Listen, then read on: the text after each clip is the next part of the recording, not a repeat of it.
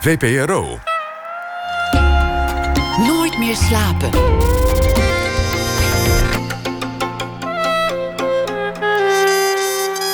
Met Elvie Tromp.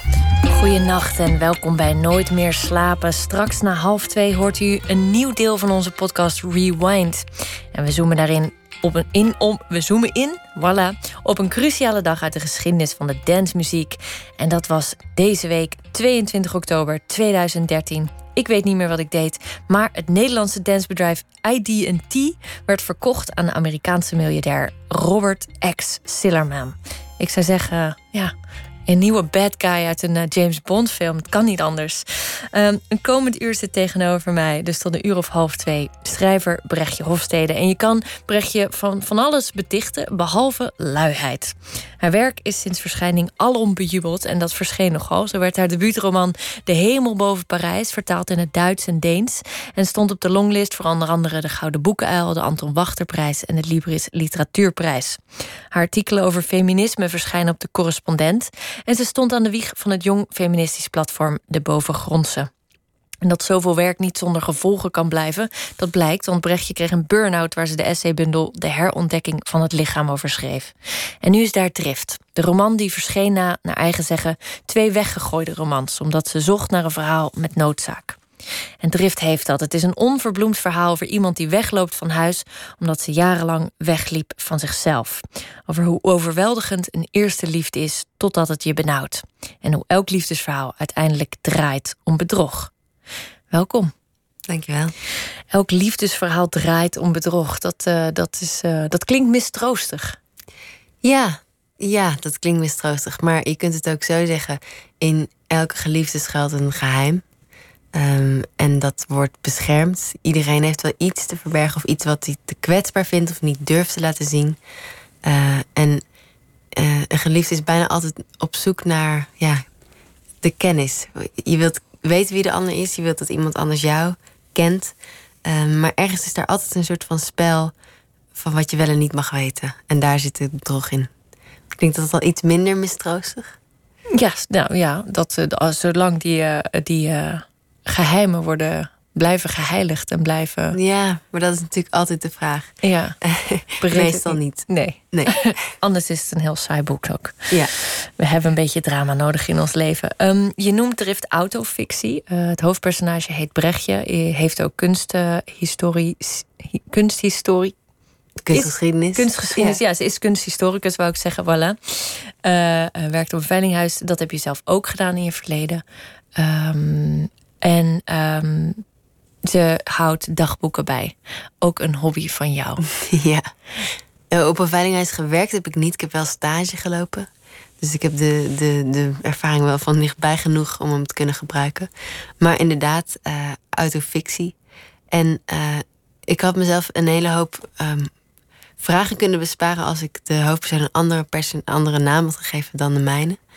Uh, maar ik heb daar natuurlijk heel bewust over nagedacht. En een van de redenen dat ik die uh, die naam heb gehouden, dat heb ik ook pas vrij laat knoop open doorgehakt, is dat uh, ik wilde duidelijk maken dat het, het is sowieso een ik-persoon. Dus het is al iemand die praat over zichzelf. Um, en als je over jezelf gaat, heb je altijd wel iets te verbergen. Het is heel moeilijk om, want je hebt heel veel belang bij wat er, wat er over jou te weten uh, komt. Um, dus het is heel moeilijk om volledig eerlijk te zijn. Uh, je moet dus altijd een klein beetje oppassen als er een ik-persoon aan het woord is. Je weet nooit helemaal of je het kan vertrouwen. En um, zeker iemand die na een grote ruzie vertelt over uh, een afbrokkelende liefde. Dan moet je al helemaal denken, daar is een luchtje aan. En um, bovendien, er zitten heel veel verschillende versies van die Brechtje in dit boek. Dus er, is, uh, haar, er zijn fragmenten uit haar dagboeken opgenomen. Er zijn fragmenten opgenomen van uh, De Welp, de debuutroman die ze ooit schreef.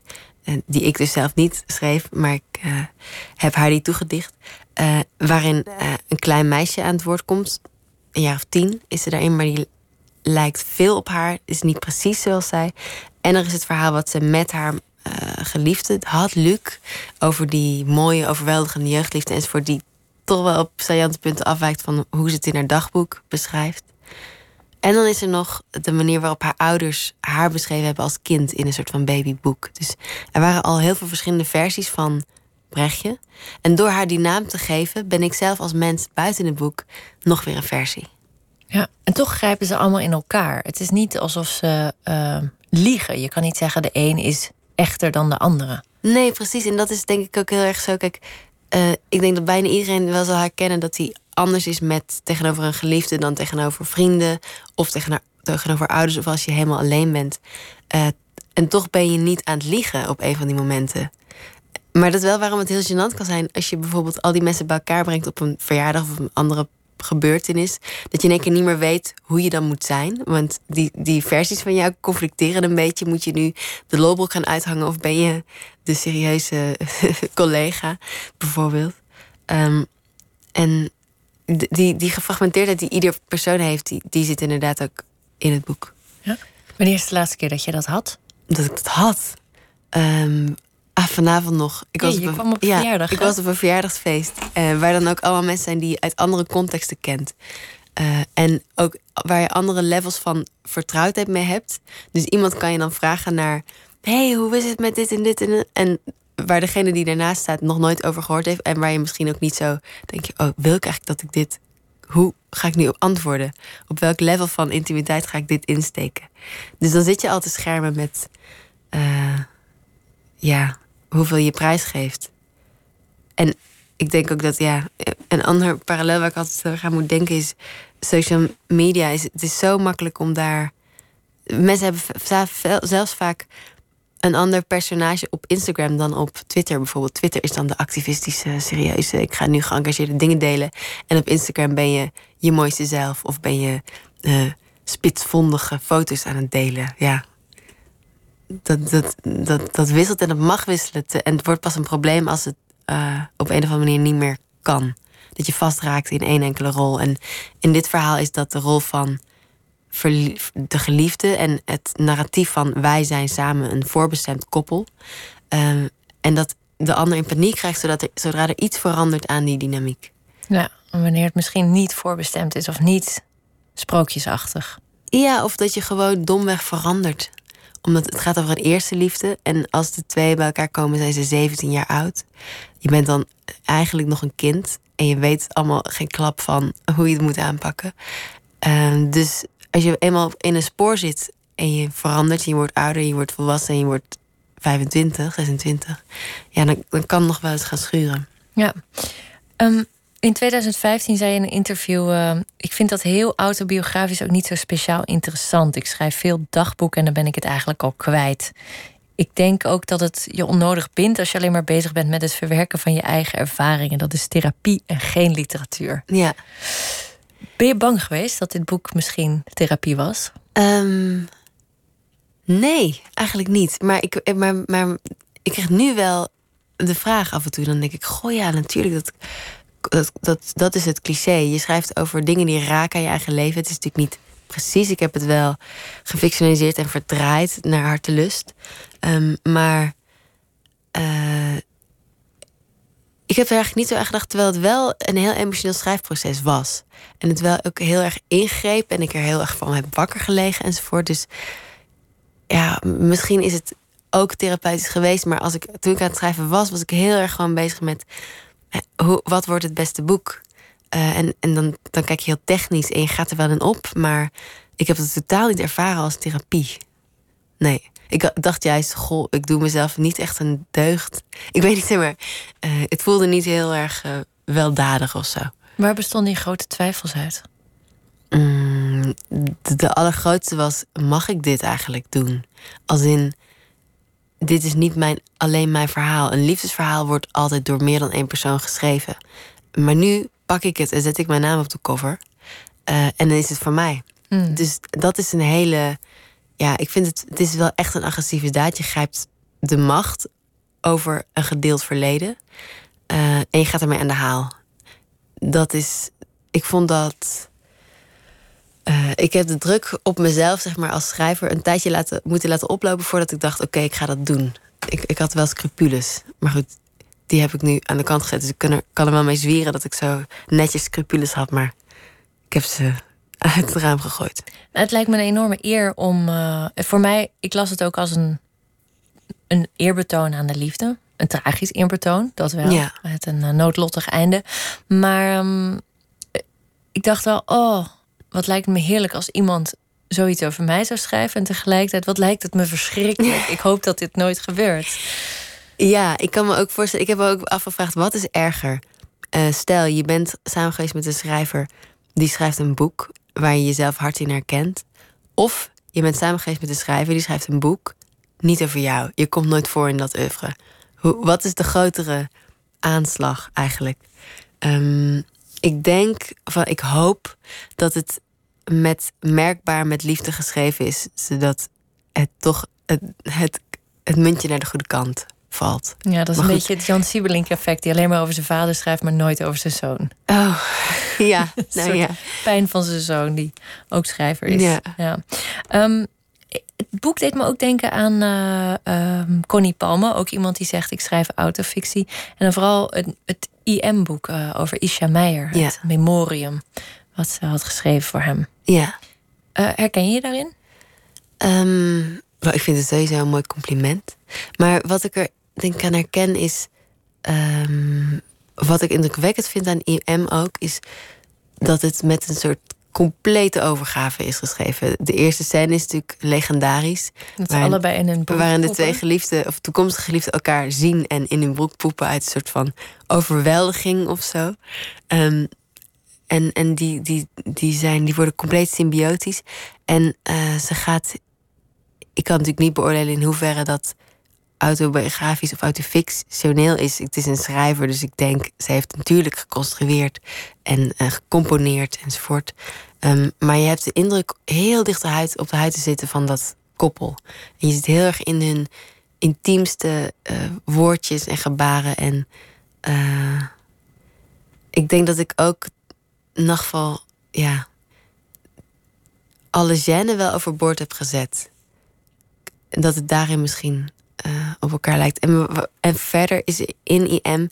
Uh, het, gaat ook, het gaat over twee schrijvers. De schrijfster, Connie Palme. En uh, Isha Meijer, die, die dikke mannen, de dikke man column schrijft. En op een gegeven moment heeft ze ook een, een werkwoord daarvoor. Hij dikke mand de werkelijkheid. Of hij verdikke mand, ik weet niet precies meer. Um, en allebei uh, abstraheren ze hun gezamenlijk leven en kunnen ze dan bij de ander lezen hoe die de relatie heeft ervaren.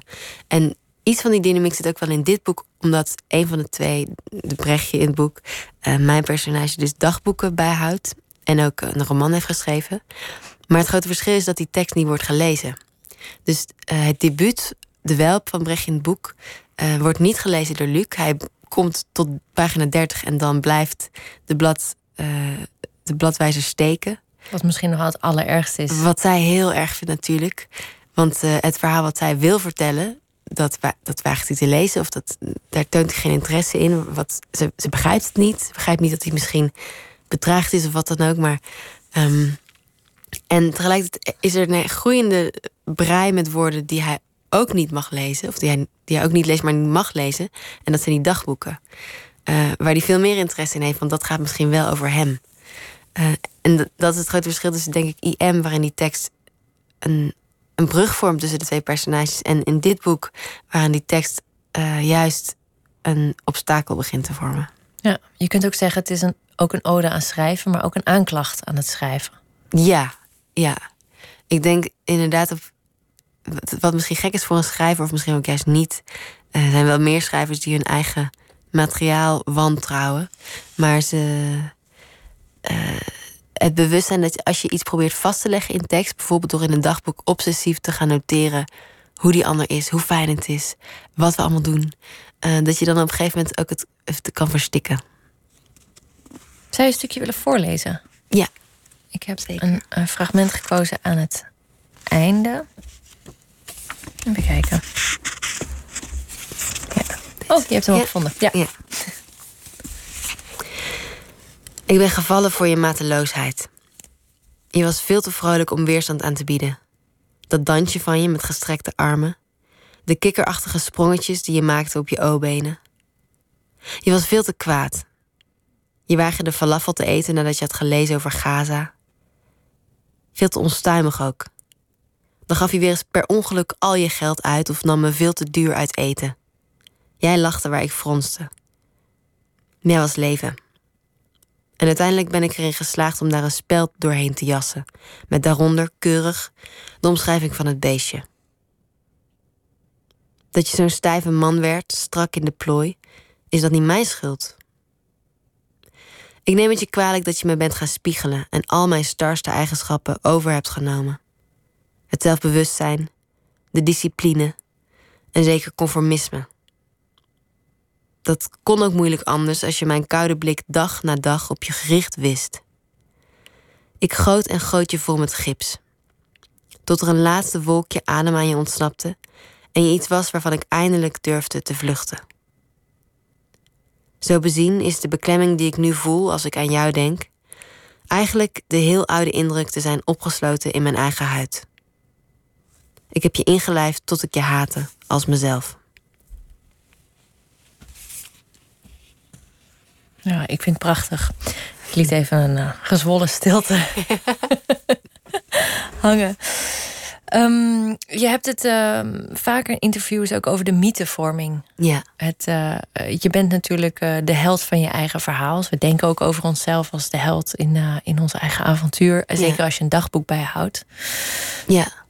En um, je schreef, je hebt ook ergens gezegd, en dat vond ik heel opvallend. Um, het grote thema is de liefde. En volgens mij gaat de liefde ook over het vinden van je eigen stem. Ja. Ja. Ja, ik, ik heb het verhaal laten beginnen met de woorden er was is. Wat natuurlijk heel bewust is, omdat uh, ik denk dat het zeker in de liefde heel vaak zo werkt dat als je er, je bent jong en je denkt, nu gaat het beginnen en nu, nu krijg ik eindelijk te, te beleven wat er, waar al die films en al die liedjes uh, en al die verhalen over gaan. Uh, en wat je vervolgens bijna vanzelf doet, is je stapt in een verhaal wat al voor je klaar ligt. Dus je denkt uh, bijvoorbeeld: uh, oké, ik voel nu iets in mijn buik. Dat zijn vlinders. Oh, ik ben dus verliefd. Of mijn knieën trillen. Nou, dat is een goed teken. Dan is het echt de real deal. Um, en voor je het weet, ga je mee in een, in een soort van groove waar je heel weinig controle over hebt, omdat die al voor je klaar ligt.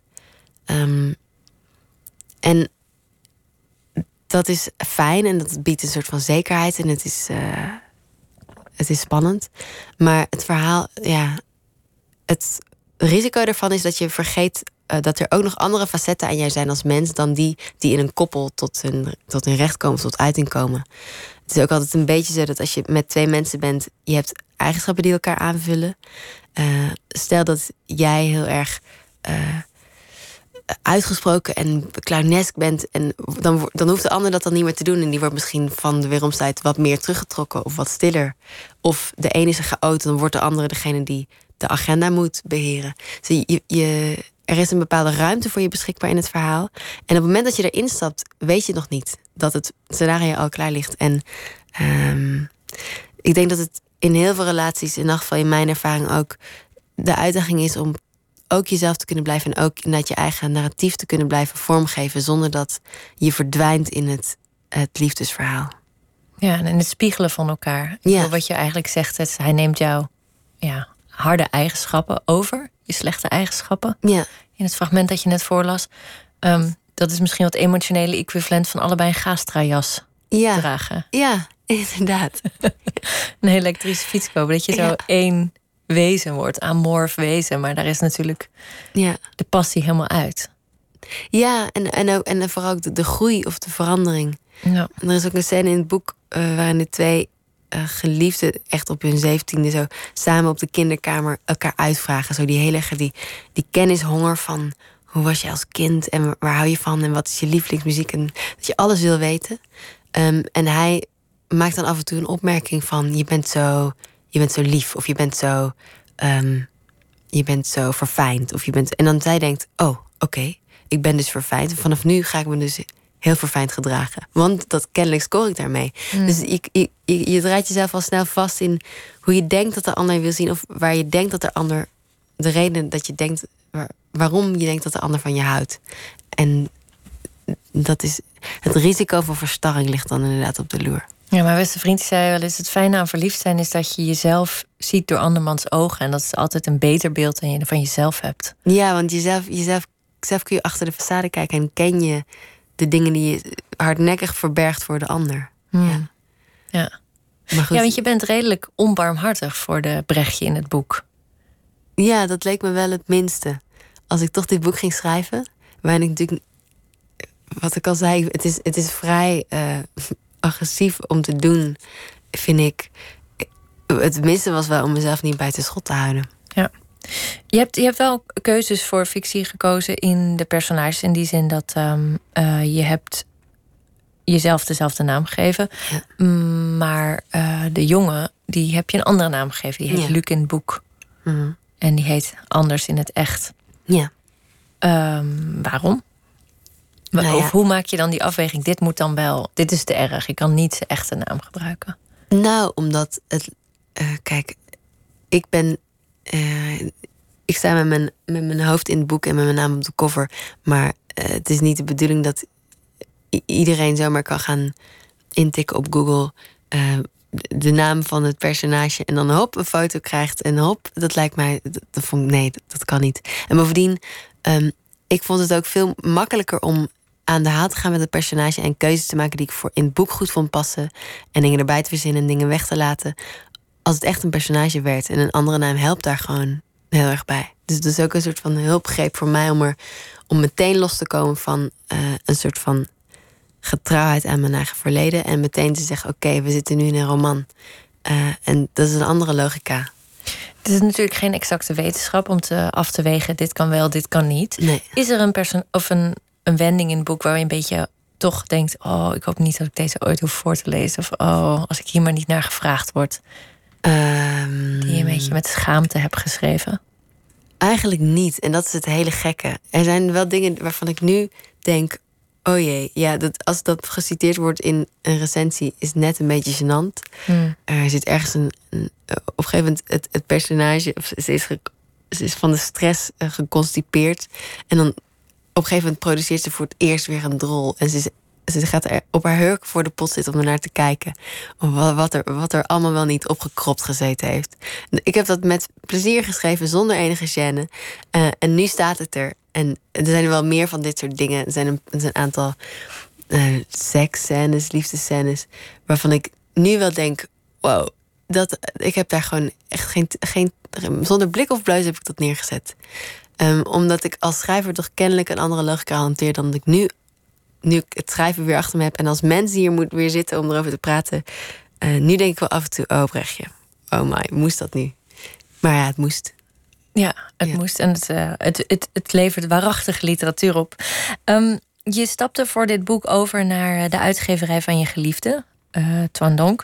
En dat is Das Mag. En um, ik vroeg me toch af, het, er is natuurlijk een zeer professionele werkrelatie, ook naast de liefdesrelatie die jullie hebben. Maar het is wel pittig uh, als iemand anderhalf jaar lang schrijft aan een boek over de eerste grote, meeslepende liefde. Ja. En jij zit daarnaast. Ja, dat, dat zou je natuurlijk aan hem moeten vragen. Maar uh, eigenlijk, we hebben er een tijd lang dacht ik ook inderdaad van, oh, dit is misschien lastig. En heb ik het uh, afgeschermd. En op een gegeven moment zat ik er helemaal vast mee en we waren samen op reis. En toen heb ik toch hem laten meelezen. En het werd eigenlijk bijna onmiddellijk een heel technisch gesprek of een heel analytisch gesprek gewoon over een boek. In plaats van over een, uh, een geliefde. En want natuurlijk, we hadden al wel het is, niet zo dat eh, het een geheim was wat ik eerder voor dat ik eerder in die, die liefde had beleefd. Maar uh, eigenlijk was het heel prettig om juist dat proces samen te kunnen delen. En dat werd op die manier werd het niet alleen een boek van mij uh, over een ander, um, maar werd het ook heel erg een boek van mij en hem nu. Ik vond het eigenlijk heel waardevol.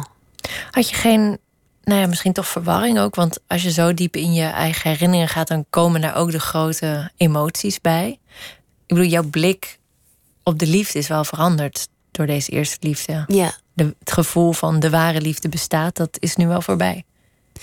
Ja, ik, nou, het wil zeggen dat, dat de ware liefde een enkelvoudig iets is. Dat is voorbij. Ik denk nog steeds wel dat, uh, dat je dat er, je kunt iemand vinden met wie het gewoon heel erg goed hebt of bij wie je goed past. Ehm, maar dat zou je in theorie met een heel aantal andere mensen ook kunnen vinden of kunnen vormgeven. Dus dat het, dat het in één keer goed moet zijn, dat idee heb ik gelukkig los kunnen laten. Het, was natuurlijk een pijnlijk proces, maar ik denk wel, het geeft veel meer ademruimte als je niet denkt, het moet in één keer goed. En wat als het niet? En dan sla je al bijna op tilt bij elke eerste breuk, breuklijntje. Ja. Je hebt jezelf een hoofdbewoner genoemd. Daar ging ook uh, het boek over de burn-out over. Ja. Kan ik eruit constateren dat, omdat Twan het alleen maar technisch benaderde, dat hij ook een hoofdbewoner is? Dat jullie elkaar daarin uh, vinden? Nee. Nou ja. Ja en nee. Het, hij, hij, hij is heel analytisch. Hij denkt hij, in structuren. Veel meer dan ik. Ik zit meer op de details. En als ik met een tekst bezig ben, ben ik ook heel erg zintuigelijk bezig. Ik wil, ik wil weten hoe het ruikt, hoe het eruit ziet, hoe het voelt, uh, hoe het klinkt. Uh, uh, veel meer dan dat ik, of ja, op een ander. Hij is echt veel meer met structuren bezig. Maar ik zou hem niet per se een hoofdbewoner noemen. Nee, dat is ook natuurlijk waarom ik hem aantrekkelijk vind dat hij dat, dat hij dat niet. Dat hij geen kopie van mij is in die opzichten. Dat hij me juist heel goed uit mijn hoofd kan halen. Hoe bewaak je dat nu? Dat je niet op elkaar gaat lijken? Mm, ja, de, ik kan hier moeilijk op antwoord geven, want ik heb nu zijn trui aan. dus dit is de Gastra-equivalent. Het is al helemaal, het is allemaal te laat. Het is al gebeurd. Nee, nou... Um, nou ja, als het een prettig persoon is waar je in verdwijnt... dan is dat natuurlijk ja, goed toeval. En ik moet wel zeggen, ook de uitgangspunten van waar we vertrekken... zijn heel, heel verschillend. Hij zei vanavond nog, soms begrijp ik echt helemaal niets van jou. En dus dat zit voorlopig nog wel goed. Oh, dus er valt nog wel genoeg over te schrijven dan ook. ja. ja. Ben je bang dat hij zo'n geheime kamer heeft? Zo'n afgesloten wereld? Het schrijven is een eenzame deel ja. van je leven. Um, bang is niet het goede woord. Ik denk dat ik, dat ik dat goed vind nu. Dat iedereen een afgesloten kamer heeft. En dat je moet accepteren wat iemand je wil laten zien. Uh, en wat iemand doet en wat iemand toont. En daarvan kunnen houden. In plaats van met alle geweld te willen weten wat iemand liever niet wil laten zien. Um, dat, en eigenlijk, ik vind ook, we zijn er gewend om te denken. Wat iemand achterhoudt, dat is dan het echte geheim. Dat is dan de ware mens. Terwijl dat zijn misschien dingen waar je niets aan kan doen. Terwijl wat je kiest, de keuzes die zijn vrij en die zeggen misschien wel veel meer. Het vraagt ook een groot vertrouwen. Niet een vertrouwen in de liefde, maar in het vertrouwen in ja, misschien wel in de mensheid. Ja, ja, misschien wel. Die heb je dan nog wel. Maar misschien heb ik dus dan toch helemaal niet zo'n heel droefgeestig uh, boek geschreven. Dat is mooi gezegd. Um, wij moeten er heel even uit voor het nieuws. Ja. En uh, dan uh, spreken we straks later door over je werk en je feministische grondslagen waar je mee bezig bent. Ja.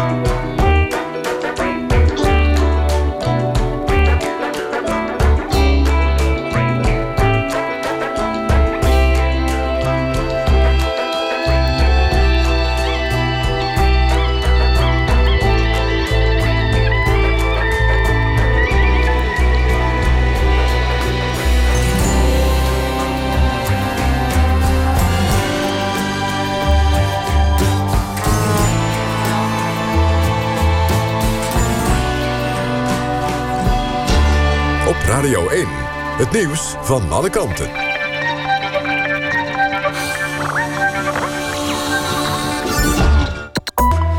1 uur, Levi van Eck met het NOS-journaal. De automobilist die gisteravond doorreed na een dodelijk ongeluk in Eindhoven... heeft zich gemeld op het politiebureau. De verdachte wordt door de politie verhoord. Gisteravond rond 10 uur werd in Eindhoven een man aangereden die naast de weg liep. De automobilist reed daarna door. Er, wordt, er werd nog een traumahelikopter ingezet, maar die kon het slachtoffer niet meer helpen. Mirjam Bikker wordt waarschijnlijk de nieuwe lijsttrekker van de ChristenUnie voor de Eerste Kamerverkiezingen. De partijtop heeft haar voorgedragen. Als de ChristenUnie-leden eind november op het partijcongres instemmen met haar kandidatuur, wordt Bikker de eerste vrouwelijke lijsttrekker voor de partij in de landelijke politiek. De 36-jarige Bikker zit sinds 2015 in de Eerste Kamer. Daarvoor was ze fractievoorzitter van de ChristenUnie in de gemeenteraad van Utrecht. De wilde staking van de bagageafhandelaars op Brussels Airport... het vroegere Saventum, is verlengd tot zondagmorgen 6 uur. Sinds donderdagavond zijn al zo'n 200 vluchten geannuleerd. Het personeel van Avia Partner klaagt over structurele onderbezetting... slecht materieel en zegt dat de veiligheid in het geding is. Onderhandelingen tussen de directie en de bonden hebben nog niets opgeleverd. Komende ochtend wordt er verder gepraat. De verdachte pakketjes die de afgelopen dagen werden onderschept in de Verenigde Staten bevatten allemaal explosief materiaal, zegt de FBI. Of ze ook konden ontploffen, wordt nog onderzocht. Volgens de FBI zijn er 13 pakketjes onderschept en zijn er mogelijk meer in omloop. Ze waren geadresseerd aan prominente democraten. De verdachte werd gistermiddag opgepakt nadat zijn vingerafdruk op een pakje was gevonden. De man van 56 heeft een crimineel verleden en is aanhanger van president Trump. Over zijn motief is niks bekend. Bij een eventuele veroordeling kan de man 48 jaar cel krijgen. Het weer, het is wisselend bewolkt en er trekken buien over het land... maar landinwaarts wordt het droger. De temperatuur daalt tot een graad of 4. De komende dag vooral aan de kust buien, maar ook wat zon. In de middag is het zo'n 10 graden. Dit was het NOS Journaal. NPO Radio 1. VPRO. Nooit meer slapen.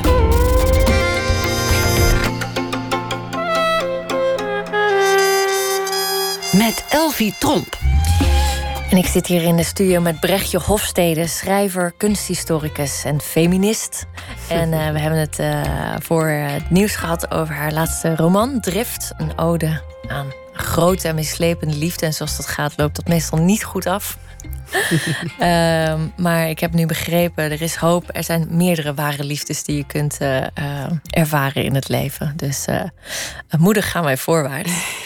um, laten we het hebben over dat, dat feminisme. je stond aan de wieg van de Bovengrondse. Een organisatie die avonden en feministische acties organiseert. Zoals het ophangen van vrouwelijke naambordjes... dat jullie onlangs organiseerden door heel ja. Nederland. we kregen de Dam werd... een dame. Een dame. We kregen de Beyoncé Boulevard. Ja. Ik dacht, wat heeft zij maar mee te maken hier in Nederland? Werd daar nog gesteggeld over de namen onderling? Uh, we hebben, nou, gesteggeld. We hebben, we hebben daar met een, een klein team veel onderzoek naar gedaan. En, en na best wel langdurig stemproces ging er. Want uh, eigenlijk hadden we veel, veel te veel namen. Maar dat werd onhandig en ook heel duur om het te laten drukken. Het werd allemaal uit eigen zak betaald. Dus we konden niet het al te bon maken. En uiteindelijk dachten we, we gaan voor uh, tien namen. Um, en Beyoncé hebben we erbij gedaan omdat, uh, ja, veel van de namen. Kijk, je, je, brengt namen omdat je denkt die ontbreken en die kennen we niet meer, terwijl ze belangrijk zijn. Um, maar het, het jammer daaraan is dat de meeste mensen denken: ja, wie dan? Wie? wie? Ja. Um, dus een Beyoncé heb je echt dat risico niet. En bovendien, de Beyoncé Boulevard, het bekt lekker. En het is ook, zoals we hoopten, heel erg internationaal opgepikt. Mm. Dus dit is The Guardian en CNN en ik weet niet waar allemaal terechtgekomen omdat iedereen denkt, oh ja, Beyoncé Boulevard, lekker. Ja, waarom heeft ze er nog geen? Er waren zelfs mensen, Amerikanen, die dachten dat de stad Amsterdam had besloten om een Beyoncé Boulevard uit te roepen. Wat ik wel heel geinig vond. Goede PR-stunt. Ja. ja. ja. Um, uh, hoe lang hebben de bordjes eigenlijk gehangen? Ja, in sommige gevallen een paar weken. En, maar die, van, die op Trokin en die op de Dam, die waren denk ik uh, binnen een dag weer weg. Dat, daar was uh, de, de gemeente vroeg op een gegeven moment een lijst op. Uh, met waar we allemaal geweest waren. En je, je kon natuurlijk ook op Twitter de foto's wel zien waar je moest wezen. Mm. Maar sommige, bij mij op de hoek heeft er eentje echt nog uh, een kleine maand gehangen. Wauw, ja. dat is mooi. Ja. Um, nee, je weet dat er nu uh, boze tweets binnenkomen van mensen die dit, deze actie onzin vinden. Ja. En uh, boze mailtjes naar de redacties. Kun je uitleggen waarom jij het van belang vond dat dit gebeurde? Ja, nou kijk, ik snap natuurlijk, het is niet het grootste probleem van de wereld. Uh, maar ik vind ook niet dat je dat dat een goede reden is om kleinere problemen eh, dan maar te laten voor wat ze zijn. Ehm, en wat er belangrijk in is, is denk ik, kijk, straatnamen zijn iets super banaals. Je hebt ze elke dag mee te maken. Je, je schrijft ze op, je hoort ze in de tram omgeroepen worden, je ziet ze. Ehm, en je denkt er nooit over na. Ik dacht van, ik sta nooit te stil bij zo'n blauw bordje en denk van, goh, wie was dit eigenlijk? En waarom is deze naam hier terechtgekomen en niet een andere naam? Um, maar als je kijkt, uh, als je ietsje breder bekijkt, iets groter, en je weet dat 88% van de straatnamen in Amsterdam bijvoorbeeld eh, die naar een mens vernoemd zijn, een mannennaam krijgen en slechts 12% een vrouwennaam. Dat is een enorme disbalans en dat geeft een soort van onbewust signaal van als man heb je toch een grotere kans om iets te bereiken, groot genoeg om een straat naar je vernoemd te krijgen. En historisch is er een disbalans, omdat vrouwen heel veel dingen niet mochten doen, tijd lang. Um, maar er zijn ook wel echt vrouwen die gewoon vergeten zijn of ten onrechte niet of bijna niet vernoemd. Uh, een voorbeeld is bijvoorbeeld um, Judith Leister, de grote vrouwelijke schilder van de Gouden Eeuw. Die heeft in heel Nederland, als ik het goed heb, vijf straten. Terwijl Frans Hals, haar mannelijke evenknie, aan wie haar werk vaak per ongeluk is toegeschreven na haar dood, die heeft er volgens mij minstens 150, als het er niet meer zijn. Dus dat zijn ongeveer de verhoudingen. Uh, en die zijn zo scheef, er kan best wel een beetje wat aan verbeterd worden. En we wilden vooral een signaal geven van... goh, als je nou eens een nieuwe wijk bouwt... denken ze aan iets anders dan 17e-eeuwse zeelieden. Weet je, er zijn zoveel toffe vrouwen die heel mooie verhalen hebben... die we dreigen te vergeten. Kies er daar wat van. Je hebt nu dat boek, Duizend en vrouwen. Uh, staan er dus duizend en in. Uh, take your pick. Ja. Um, waar kwam dat feministisch verlangen bij jou vandaan? Uh, je werd ook uh, correspondent feminisme, of nieuw feminisme bij de, bij de correspondent. Ja. um, waar, waar begon dat bij jou? Uh, begon denk ik heel vroeg gewoon door het voorbeeld wat je thuis krijgt. Ik, ik, heb een, ik heb drie zussen. Een hele stoere moeder en een hele toffe vader. Maar die, de, de rolverdeling was bij ons thuis niet typisch. Dus mijn vader kon uh, verkleedkleren voor ons maken. Hij kon heel goed naaien. Die speelde met ons. Die kan, uh, die kan kabeltruitjes breien waarin wij dan naar school gingen. Uh, die kan strijken als de beste. Dus weet je, het was niet. En dan dacht ik, goh, al die andere mannen, die vaders, waarom kunnen, niet waarom kunnen die niet breien? Wat, wat stom. Wat zijn er nou voor mannen? Dus, en onze vader ging met ons voetballen en bomen klimmen en hutten maken en ravotten. Dus op een gegeven moment word je dan zo uit dat je denkt: Goh, ik, ik doe het anders dan andere meisjes. Hoe komt het eigenlijk? Of andere vaders doen het anders dan mijn vader. Uh, en dan en begin je ook zeg maar, de, de negatieve feedback te krijgen van... jij mag niet meedoen, want je bent een meisje, bijvoorbeeld. Of jouw vader is, doet gek. Um, dus, dus als je het dan van zo jong net iets anders meekrijgt... dan ben je heel snel bewust van hoe het hoort. En vind je dat gek? Hoezo hoort dat zo? Um, en op de middelbare school was ik eigenlijk helemaal niet mee bezig. Toen ik studeerde ook niet. Maar langzaam, als je het volwassen leven verder inloopt, begin je te zien. Oké, ik dacht altijd, we zijn klaar. Het is gelijk. Er zijn toch nog best wel veel manieren waarop we nog niet klaar zijn. Ook al is er heel veel veranderd en bereikt en ten goede. Um, er, er valt nog steeds wel wat te doen. En dan denk je bijvoorbeeld aan, goh, nu wordt het wel heel zwaar, maar uh, de enorm indrukwekkende cijfers van geweld tegen vrouwen, seksueel geweld, uh, huis, huiselijk geweld, um, of economische ongelijkheid die er nog steeds is.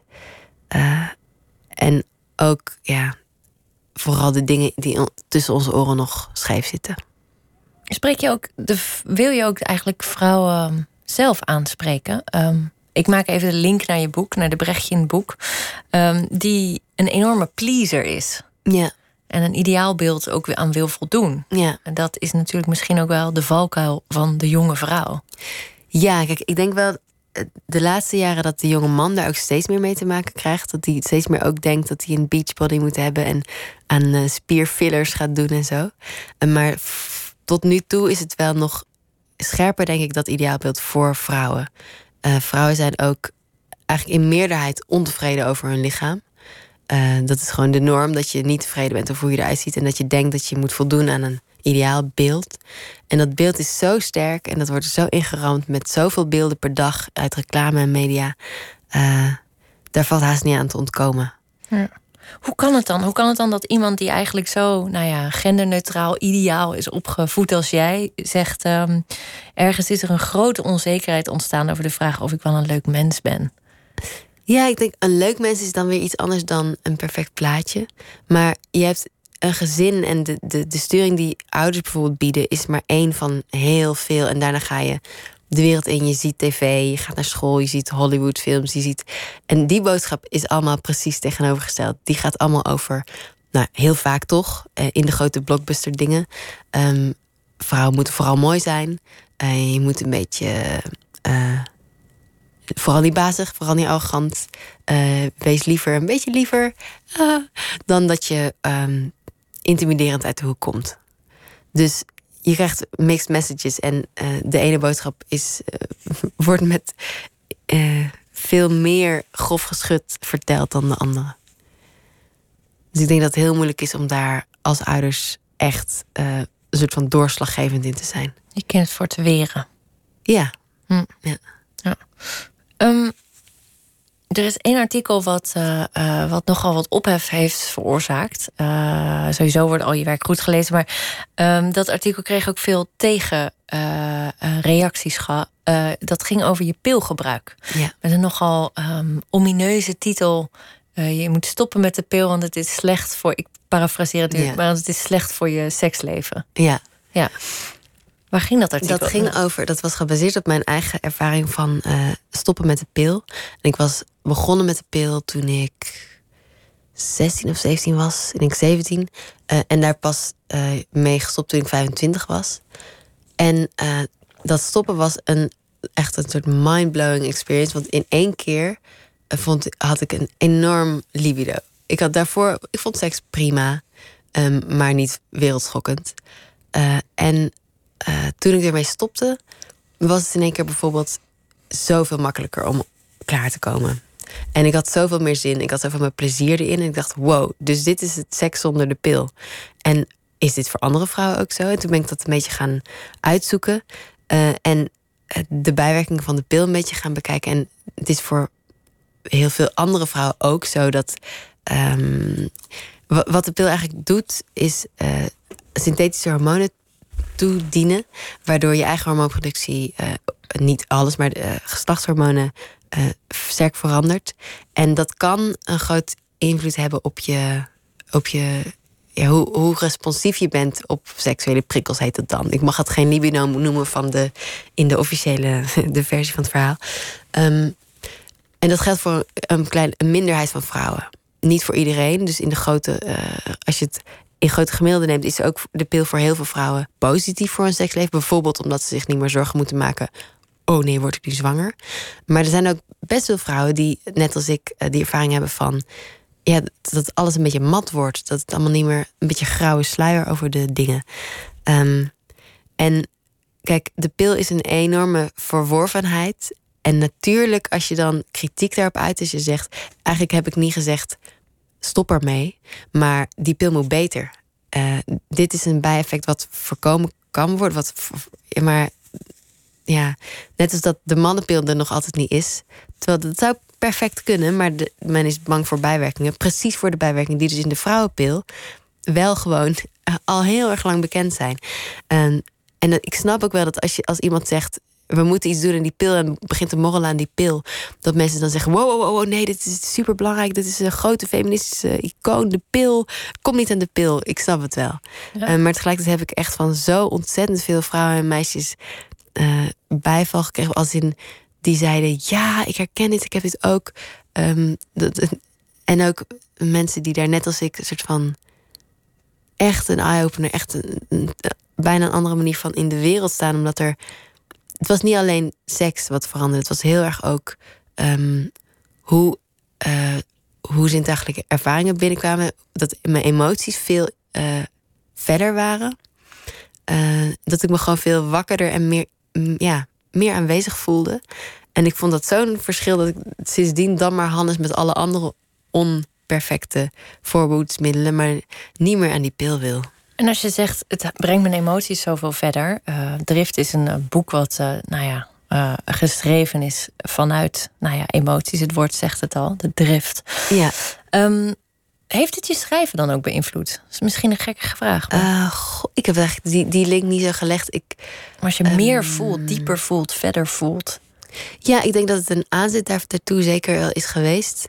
Uh, het is ook, denk ik, een, een zinnelijker boek dan mijn eerste geworden. Um, maar het is misschien ook dat van die pil stoppen en is een eerste stap om iets minder een hoofdbewoner te worden misschien. En uh, heeft me misschien wat bewuster gemaakt van de andere manier om, naar een, wereld, om een wereld te ervaren. Dus ik denk wel, ja, het is, het is misschien een puzzelstukje in die, in die puzzel. Ja, je had het al heel even over je uh, debuutroman De Hemel boven Parijs. Uh, waarbij mensen ook de hele tijd wilden weten wat is er waar, wat is er niet. Ook een liefdesrelatie, maar dan met een oudere man in ja. Parijs. Uh, speelt zich daarin af. Um, en ik heb het nu begrepen dat je eigenlijk helemaal niet meer zo blij bent met dat debuut. Nou, ik heb er, ja, ik heb er een beetje. Ik heb er een beetje het gevoel bij wat je kunt hebben als je jeugdfoto's bekijkt of puberfoto's. Zo van, oh ja, dat vond ik toen. Oh ja, dat, dat vond ik toen bijvoorbeeld hele mooie kleren en ik zou ze nu niet meer aantrekken. Um, ik, ik moet er ook wel misschien wat meer compassie mee hebben, want het was het beste boek wat ik op dat moment kon schrijven. En ik denk ook wel dat het. Uh, het heeft wel het heeft merites. Het, ik denk nog steeds bijvoorbeeld dat het goed in elkaar is gestoken. Maar ik zie ook wel dat ik een aantal stappen heb gezet. En ik, ik voel me meer thuis uh, met, in drift dan in de hemel boven Parijs. Wat is er, ver, wat is er veranderd? Wat is, wat is het verschil tussen de twee boeken als je dat zelf zou moeten. Het is veel minder afstandelijk, denk ik. Het is sowieso, dat was een uh, derde persoons vertelling. En de hoofdpersoon was eigenlijk die 52-jarige man, die professor. Um, en nu heb ik een ik-persoon die ook heel vaak nog tegen een jij spreekt ook. Dus het is veel meer uh, dichtbij. Um, en ik denk ook minder geconstrueerd. Ik heb het ook. Dit, dit, de eerste versie stond in zes maanden. Echt, ik heb het toen ik eenmaal begon te schrijven in een knal geschreven. Um, met veel minder. Um, ja. Minder het gevoel dat ik bepaalde concepten optuigde als personages en die dan rondschoof op een decor. Ik denk dat het. Het klinkt een beetje alsof je slim wilde zijn. Nou, als ik terugkijk op dat boek, dan. Ik denk niet dat ik dat heel bewust. Ik heb, bewust heb ik dat natuurlijk niet zo gedaan. Maar als ik nu terugkijk, dan denk ik wel een beetje. Ja, dit is. Eh, ik heb heel erg mijn best gedaan toen om een roman te schrijven. Hoe, zoals, ik, zoals ik dacht dat dat moest. Nou ja, en, het, en het, het werd geloofd. Het werd, uh, ik bedoel, je kreeg zoveel nominaties, vertalingen. Ja, zeker. En, en ik moet ook helemaal, ik moet het ook niet al te hard afvallen. Maar, dus in die uh, zin zeg je ook wel iets over de, de, de recente klimaat hier in nou, Nederland. nu klinkt het alsof ik zeg: dit is echt een, een rotboek en de mensen zijn erin getrapt. En dat is die Ik heb dat toen ook wel met heel veel overtuiging en heel veel inzet geschreven. Maar ik denk gewoon dat ik nog niet zo goed durf te vertrouwen op um, mijn eigen stem. En dat ik nog meer onbewust bezig was met: oh, hoe moet dat dan een roman schrijven? Uh, en dat ik nu iets, iets minder dat die die scrupules had en iets, iets meer gewoon dacht. Ik heb, ik heb bijvoorbeeld ook. Uh, en dat was Twan die dat zei. Die zei. Uh, als je brieven schrijft. Dan, ik, vind dat, ik vind die stem mooi die je daarin hebt. Kun je niet die stem gebruiken? En toen heb ik gekeken hoe die eruit ziet. En ik heb mijn dagboeken opengeslagen om te zien hoe klink ik daar. En dat heb ik geprobeerd te bakken in deze roman. En dat is veel, dat is veel directer, veel minder opgesmukt en veel, ja, rauwer kan je zeggen dan wat ik in mijn debuut heb gedaan, denk ik. Ja. Um, denk je dat je feminisme uh, nog gaat verweven met je literaire activiteiten? Dat weet ik niet. Ik denk dat dat riskant is om te plannen. Ik ga nu een. Maar het zou meer een pamflet misschien worden dan een boek. Ik denk, uh, ja, als het gebeurt. Maar ik, zou het, ik vind het moeilijk om dat te plannen. In ieder geval heb ik nu niet een beeld voor ogen hoe een feministische roman eruit zou zien. Het zou misschien een, meer een essayistische vorm krijgen of zo. Maar wie weet, wie weet. ja. Um, je hebt gezegd ook dat uh, uh, je um, bij interviews je perfectionisme de kop, uit, eh, de kop opsteekt. Bij interviews. Ja, ja, dat, dat per uitstek. Want op het papier kun je het nog herschrijven. Ja. Uh, maar nu moet je het in één keer zeggen. Ja, nee, kan je het ook terugluisteren. Ja, wat ik niet doe, want dat vind ik eng. Want dan denk ik, oh jee, als ik dit. Weet je, dan, dan durf ik daarna nooit meer mijn mond open te doen. Maar het is inderdaad. Uh, ik merk dat ik graag wil dat ik het goed uitdruk. Uh, en ik kan het maar één keer zeggen. En als ik het op papier, dat is ook waarom ik natuurlijk graag schrijf, dat ik, ik heb dan de controle. En als ik een interviewer tegenover mij heb die een brutale vraag stelt, of die me uit de tent weet te lokken, dan heb ik de controle niet altijd of niet helemaal. En dat is enger. Mm. Of ja, dan natuurlijk, iedereen kan dan terugluisteren. Hoe bereid je je erop voor? Op een interview. Ja. Doe je dat nog? Word je daar nog zenuwachtig voor? Eigenlijk is er één grote sprong die je moet maken. Voor van het moment dat je het boek afrondt en je zit nog in het verhaal van het boek zelf, naar het moment dat je het voor het eerst over het boek moet gaan praten en dus eigenlijk net een ander verhaal gaat vertellen. Wat min of meer wel deel vormt van het boek, omdat je de mythevorming uitbreidt naar uh, wat je over het boek gaat zeggen. En die sprong is heel moeilijk, want je zit er heel diep in. Je zit in de details, je zit in hoofdstukstructuren, je zit in um, spanningsboog. En dan moet je in één keer de vraag beantwoorden: waar gaat dit boek over? Je hebt 30 seconden. Uh, daar moet ik me op voorbereiden. Dat is ook heel banaal eigenlijk. Ja. Maar dat heb, wat, wat heel fijn is uh, bij Das Mag, is dat de, dan met het hele team gaan ze je aan een vragenvuur onderwerpen. Gaan ze alles vragen wat ze willen weten. En dan zit jij er dus een uur lang enigszins hakkelend uh, te antwoorden. Zodat je het een keer geoefend hebt voordat je live op tv of op de radio hetzelfde trucje moet doen. En dat was heel fijn. En dan krijg je daarna feedback van, nou, ik vond dit wat je noemde heel interessant. Uh, daar wil ik nog meer over weten. Dat was een hele. Dat was eigenlijk mijn voorbereiding. En daarna niet meer. Daarna moet het gewoon rollen. Dan moet ik natuurlijk nu de gemene vraag stellen. Wat was er iets? Wat was, wat, wat, wat, wat was hetgene wat je niet mocht vertellen van je uitgever? Um, van mijn uitgever, nee, hoe meer ik vertel, hoe beter, I guess.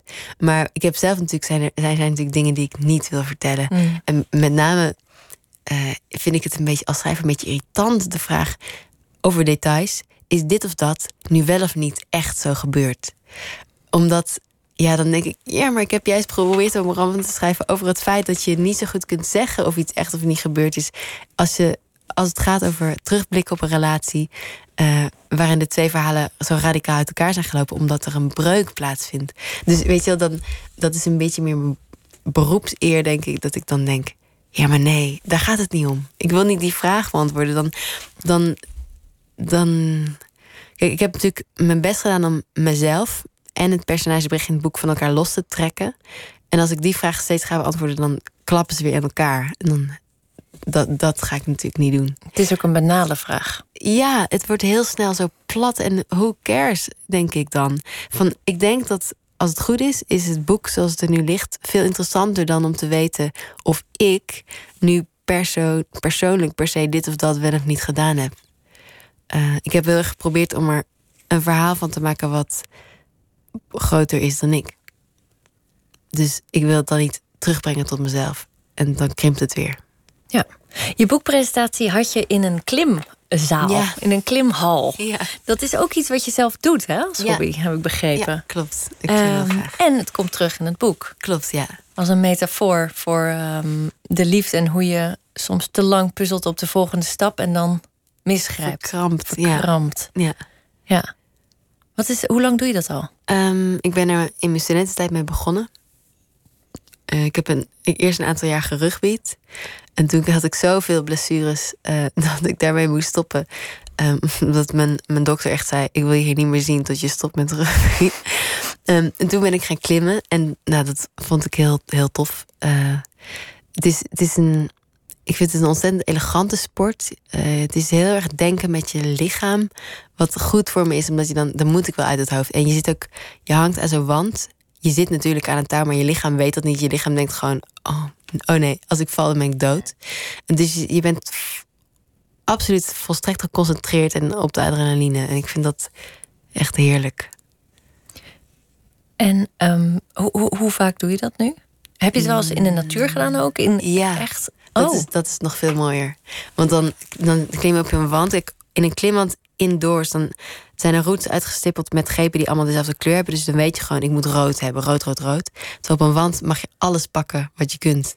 En dan is het heel erg je, je eigen creativiteit die de enige belemmering vormt. Ja. Is het ook iets wat je ehm, hebt opgepikt na je burn-out? Um, het gaat bij vlagen meer of minder, maar ik deed het wel daarvoor al. Ja, maar ik doe het nu. Ik, eh, gek genoeg, tijdens het schrijven van dit boek, waar de klim, klimmen dus een rol in speelt, heb ik niet geklommen. Pas sinds ik het heb ingeleverd, ben ik weer begonnen. Waarom? Ik weet niet waarom. Nee, ik weet niet waarom. Ik denk dat ik ook gewoon niet de tijd maakte. Het is, het is een, een vrij trage sport. Je bent een paar uur bezig in zo'n hal. En als je naar buiten wil, dan moet je natuurlijk minstens naar België rijden. Uh, maar misschien zit het ook in de weg dat je het beleven en het beschrijven niet tegelijk kunt doen. Hmm. Het is grappig, want in de herontdekking van het lichaam, je essaybundel over je burn-out, heb je het vooral over wandelen. Mhm. En inderdaad, dat je zo op die manier terugkomt in je lichaam. Ja. Maar helemaal niet over de klimmuur. Nee, maar ik was daar toen ook eigenlijk niet echt toe in staat. Ik was zo kapot, fysiek ook. Het is wel heel intensief natuurlijk. Je moet jezelf min of meer aan je armen naar boven sleuren, zo'n wand op. Dus dat, dat deed ik toen niet. Dat kon ik toen niet. Ja. Je hebt gezegd dat je eerste roman uh, heb je echt geschreven in je burn-out. Zelfs zo erg dat je soms vijf minuten kon schrijven en dan weer een half uur moest rusten. Ja. Heeft die burn-out nu nog uh, um, invloed gehad op het schrijven van Drift? Um, goh. Dat is vaak iets wat nog jarenlang. Ja, ja ik, het, is, het is natuurlijk het is een soort van litteken wat steeds weer open kan gaan. En wat ik met name gebruikt heb in Drift ook is heel erg het, uh, slapeloosheid. Uh, ze, ze, ze, ze, het personage zwerft dus door Brussel en heel, veel, heel wat nachten zijn ook doorwaakt. Um, dat is iets wat ik aan die burn heb overgehouden. Dat ik heel gevoelig ben voor uh, nooit meer slapen. um, dus de, angst daarvoor, of de soort van een, bijna fysieke reactie van uh, ja, paniek of zo. Dat, dat ik daar soms terug inschiet. En omdat het schrijven van dat boek zo'n intensief proces was, was het ook zat vaak zat, zodat ik echt ervan wakker lag. Uh, en dan voelt zo'n burn-out weer heel dichtbij. Dat is hij misschien niet per se. Maar ik heb er wel veel aan gedacht weer. Veel meer dan in de afgelopen jaren. De angst voor de burn-out. Ja, de angst voor de burn-out nummer twee. Ik dacht gewoon, dat, dat wordt echt heel ironisch. Dan kan ik straks een nieuwe bundel schrijven. Ja. Mijn tweede burn-out. het is wel heel erg millennial. Ja. Op zich uh, uh, doet altijd vast heel goed op Instagram en zo. Um, hoe, hoe, hoe bewaak je nu toch, zeg maar, um, dat het hoofdmens ook in het lichaam blijft in die tijden? Je, zei net, ik heb een hele drukke week gehad. Ik kom net uit uh, uh, Brussel. Ik heb net een verjaardag gehad. En nee, je hebt eigenlijk niks anders gedaan dan interviews gegeven de afgelopen ja. weken. Hoe, hoe bewaak je dan toch dat je hier blijft? Ja, goh, verschillende manieren natuurlijk. Sport is een heel fijne. Uh, boksen doe ik, doe ik sinds kort, en, of nou, sinds een jaar. En dat is ook heerlijk, omdat het zo intensief en agressief is. Dat is perfect. Uh, seks. Hele goeie. Het klinkt uh, alsof uh, een volgende goede opvolger kan ook een... een, een erotische novelle, ja. Of een fitnessboek zijn. fitnessboek, ja. Fitness voor de millennial. Ja. ik, uh, ik kijk er in ieder geval heel erg naar uit. Uh, mag ik je bedanken voor dit mooie gesprek. Dankjewel, jou ook. En het boek Drift ligt nu in de winkel. En wij gaan door met muziek van Hearts. Het is een Duits indie pop duo en ze hebben net hun tweede album uit, New Compassion. En van die plaat draaien we In This Time.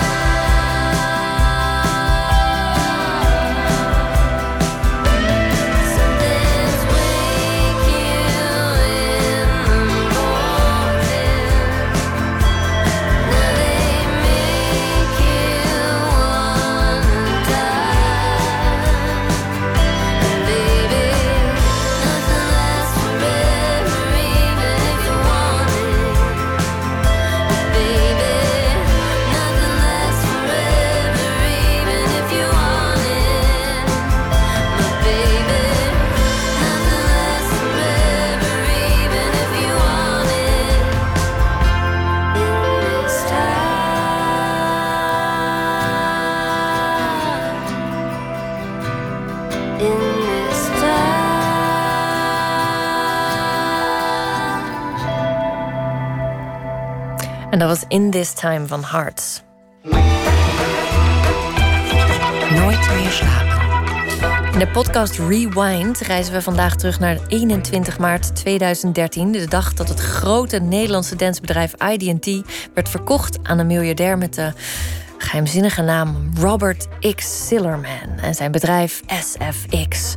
En die kocht het ene dansbedrijf naar het andere op. En het leek een cruciale stap om ID&T een internationale push te geven. Of zou die Sillerman toch een megalomane waaghals zijn? We gaan het nu horen. Ik loop op de man, uh, man af, ik steek mijn hand uit. En hij pakt me gewoon volle bak bij mijn zak. En knijpt echt hard in mijn ballen. Toen zei de vrouw, nee, niet gewoon. We hebben gewoon hier, het is gewoon wat hij koopt. We hebben gewoon 25 jaar. Het is gewoon het beste bedrijf. Uh, gewoon 100 vragen. Ja, fascinerende tijd. Ja, hoe vaak maak je zoiets mee? Niet vaak. Sensation Thunderdome Mysteryland. Als iets in Nederland groot is en met dance te maken heeft... kun je er donder op zeggen dat feestorganisator ID&T erachter zit. De vriendengroep rond Duncan Stutterheim dacht meteen al in hallen in plaats van clubs. Het is dan ook niet gek dat dit bedrijf op de radar kwam van een monster-investeerder die een wereldwijd dance-netwerk wilde opbouwen. Het is 22 oktober 2013. Dit is Rewind, aflevering 4. Over de dag dat ID&T verkocht werd aan SFX.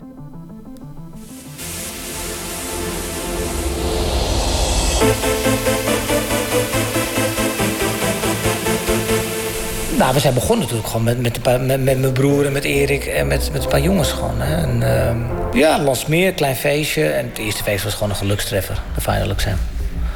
En uh, de bedoeling was 5000 man, maar er kwamen er 13.000. En daarmee was het toen het grootste feest van Nederland. Dus dat, ja, in één keer waren we 20 jaar het grootste feest van Nederland georganiseerd. We hebben ooit de eerste Thunderdome, maar heel kleinschalig hoor. Maar, maar in Europa was Thunderdome groot. Duitsland, Frankrijk, België. Die cd's gingen echt wel naar 20 landen. Maar toen ging de hardcore naar beneden. En daarmee ook onze internationale ambities. Dus konden we ons kantoor weer sluiten in Duitsland. Uh, toen hebben we Inner City even geprobeerd. Dat hebben we ook in België, Duitsland gedaan. Ook in België geprobeerd. Er zat wel altijd bij IDT iets van... Uh, en bij ons, we willen, we willen meer, of die wereld in. En toen kwam Sensation. En toen zeiden we, nou wacht er is een moment nu links met Sensation. Laten we rechts dan stoppen met alle onzin. En, en dat lukte. En dat ging toen van België naar Duitsland. Polen, was heel raar, maar dat, dat voelde wel al heel exotisch. En toen kregen we ineens een gesprek met Samsung. En toen gingen we, kregen we ineens een tour van 18 landen. Ja, toen was het wel echt internationaal.